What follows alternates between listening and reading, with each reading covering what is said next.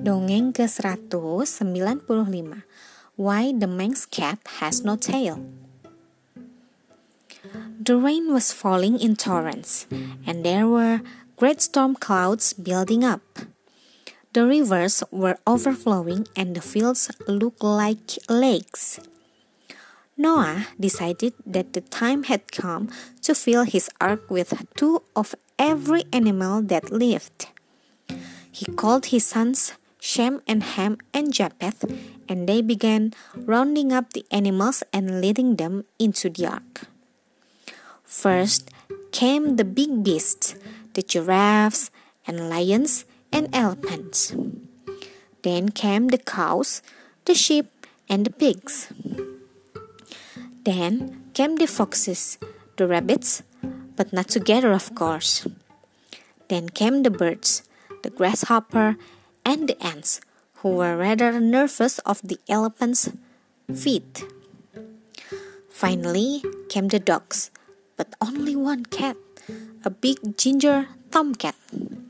The she cat, who was a stripy tabby, had decided that she would like to go mousing one last time, as she realized she would not be able to eat a fellow passenger when they were all cooped up in the ark.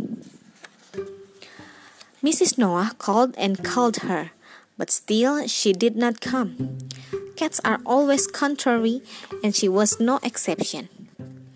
Noah looked at the rising water and told Mrs. Noah that she that he would have to pull up the gangplank, as the ark would soon be afloat.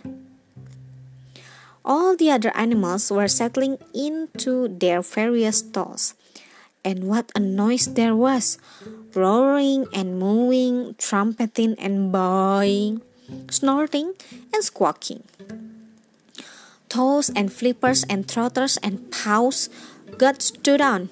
Fur and feathers were ruffled, and horns and long tails got stuck. But eventually, everyone was in place. Noah began to pull the great door of the ark to, and just as he was about to shut it fast, up branched the she-cat, soaking wet but licking her lips. She managed to slip through the gap in the nick of time, but her great plum of a tail was caught in the door as it slammed shut. She turned around and her entire tail was cut off. The cat was cross, but Noah told her it was entirely her own fault, and she would have to wait until they found land again before she could have her tail mended. Forty days and forty nights later, the, flu- the flood was over, and Noah opened the great door of the ark once more.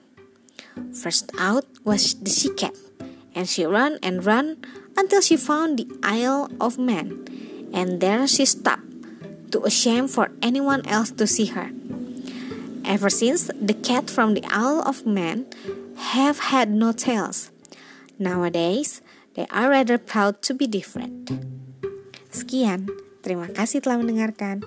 Selamat malam.